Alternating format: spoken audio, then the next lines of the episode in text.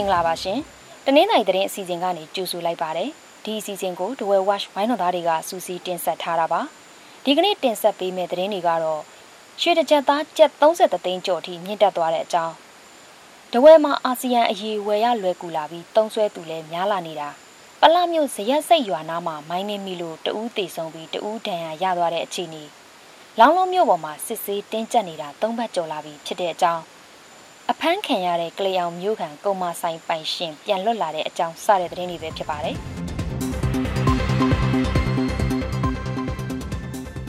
ဒီကနေ့တဝဲဈေးကွက်ထဲရွှေတစ်ချက်သား30သိန်းကျော်အထိမြင့်တက်သွားပါတယ်။ပြီးခဲ့တဲ့ရက်ပိုင်းကတစ်ချက်သားကျပ်သိန်း30ဝန်းကျင်သာရှိသေးတဲ့အခောက်ရွှေဈေးဟာဒီကနေ့ဇွန်လ15ရက်မှာတော့30သိန်းကျော်ကိုရောက်ရှိသွားပါတယ်။ ကမ္ဘာရွှေဈေးဆက်တိုက်ကျဆင်းနေပြီမဲ့မြန်မာကျပ်ငွေတန်ဖိုးကျဆင်းနေတာကြောင့်အခုလိုပြည်တွင်းရွှေဈေးထိုးတက်နေတာဖြစ်တယ်လို့ဒဝယ်မြို့ခံရွှေဆိုင်ပိုင်ရှင်တွေကဆိုပါတယ်။ရန်ကုန်မှာတော့ရွှေဈေးတက်တာနဲ့ပတ်သက်ပြီးရွှေဆိုင်ပိုင်ရှင်တွေကိုစစ်ကောင်စီကခေါ်ယူစစ်ဆေးနေတယ်လို့ဆိုပါတယ်။2022ခုနှစ်စက်တင်ဘာလတုန်းကလည်းအခုလိုပဲအခောက်ရွှေတစ်ကြက်သား30သိန်းကျော်ထိမြင့်တက်ခဲ့မှုပါတယ်။နောက်ပိုင်းမှာတော့ပြန်ကျသွားခဲ့တာပါ။အာနာမသိန်းခင်ကတော့ဒဝယ်ဈေးကွက်တဲ့အခောက်ရွှေတစ်ကြက်သား ကျပ်73သိန်းကျော်လောက်ပဲရှိခဲ့တာပါ။အာနာသိန်းပြီးနောက်ပိုင်းရွှေဈေးတရရိပ်မြင့်တက်လာခဲ့ပြီးအခုဆိုရင်နှစ်ဆကျော်ထိရှိလာပြီဖြစ်ပါတယ်။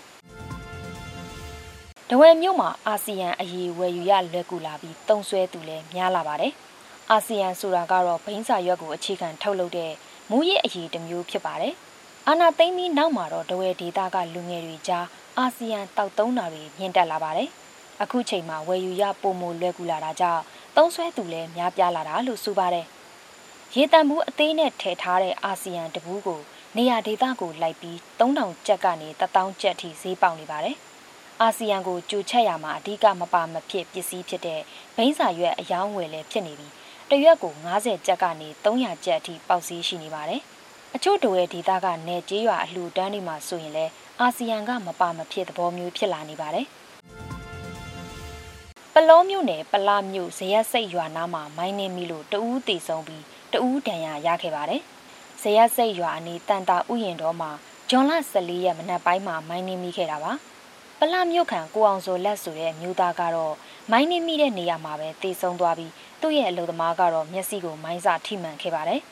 သူတို့နှစ်ယောက်ဟာတိတ်ချသည့်အစီသွားကောက်ဖို့ဆိုပြီးတောထဲဝင်သွားရာကနေမိုင်းနှင်းမိတာလို့ဆိုပါတယ် ပလောမြို့မှာမကြာခဏမိုင်းနှင်းမိတာတွေဖြစ်နေပြီးလူသေးဆုံးဒဏ်ရာရတာတွေလည်းမကြာခဏဖြစ်ပွားနေပါတယ်။ပလောမြို့မင်းထိန်ရွာကိုလက်နက်ကြီးနဲ့ပစ်ခတ်ခံရလို့ဒေသခံတွေထွက်ပြေးနေကြရပါတယ်။ပလောခြေဆိုင်စစ်ကောင်စီ285တပ်ရင်ကဂျွန်လ14ရက်မနက်ပိုင်းကစပြီးလက်နက်ကြီးနဲ့ပစ်ခတ်ခဲ့တာပါ။တိုက်ပွဲဖြစ်ပွားတာမရှိဘဲလက်နက်ကြီးပစ်ခတ်နေတာလို့ဆိုပါတယ်။ဒေသခံတွေကတော့ထွက်ပြေးနေကြရပါတယ်။ ဂျွန်လပထမအပတ်ကလည်းမင်းထိန်ရွာထဲလက်နက်ကြီးကြားရောက်ပောက်ကွဲခဲ့လို့ဒေသခံ3ဦးသေဆုံးပြီးထိခိုက်ဒဏ်ရာရသူတွေလည်းရှိခဲ့ပါတယ်။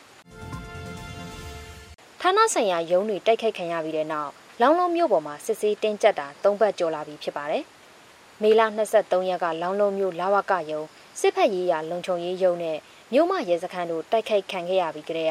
အခုချိန်ထိစစ်ဆေးတင်းကျပ်နေတာပါ။မြို့ပေါ်ကနေအိမ်တွေကိုဝင်ရောက်စစ်ဆေးဖမ်းဆီးတာ လမ်းသွားလမ်းလာကားဆိုင်ကယ်တွေကိုတားပြီးစစ်ဆေးတာတွေကိုတင်းတင်းကြပ်ကြပ်လှုပ်ဆောင်နေတာလို့ဆိုပါတယ်။ဖမ်းဆီးခံရသူလည်းရာချီရှိနေပြီးရဲစခန်းချုပ်ထဲမှာတော့ထားမလောက်အောင်များပြားနေတယ်လို့ဆိုပါတယ်။ဖမ်းဆီးခံထားရသူတွေထဲကအချို့ကိုပြန်လွှတ်ပေးတာတွေရှိပေမဲ့ဘလောက်ပြန်လွတ်လာလဲဆိုတာကိုတော့တိတိကျကျမသိရသေးပါဘူး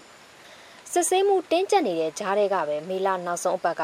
လောင်းလုံးမြို့ပေါ်မှာရက်ကြီးအုပ်ချုပ်ရေးမှုနှစ်ဦးပြစ်ခတ်ခံရပြီးတဦးသေဆုံးသွားပါတယ် ဂျွန်လ12ရက်မှာတော့လောင်းလုံးမြို့တင်ချိုင်အနီးကိုလက်နက်ကြီးကြီးကြားရောက်ပောက်ကွဲတာတွေဖြစ်ပွားခဲ့ပါတယ်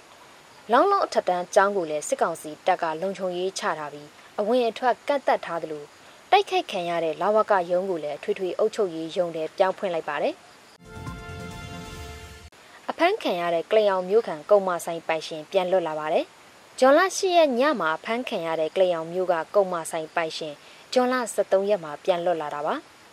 ပြည်သူ့ကာကွယ်ရေးအဖွဲ့တွေနဲ့ဆက်သွယ်ရှိတယ်လို့ဆွဆွဲပြီး430တက်ရင်ထဲဖမ်းဆီးသွားခဲ့တာပါ။ဖမ်းဆီးခံရပြီး9ရက်အကြာမှာတော့ပြန်လွတ်လာခဲ့ပါတယ်။မတ်လဆန်းကစပြီးကလျောင်မြို့မှာဖမ်းခံရတဲ့သူ9ဦးထိရှိပါတယ်။အဲ့ဒီအထက်က2ဦးကတော့ဖမ်းဆီးခံထားရဆဲဖြစ်တဲ့ဆိုတဲ့အကြောင်းတင်ဆက်ပေးလိုက်ရပါတယ်ရှင်။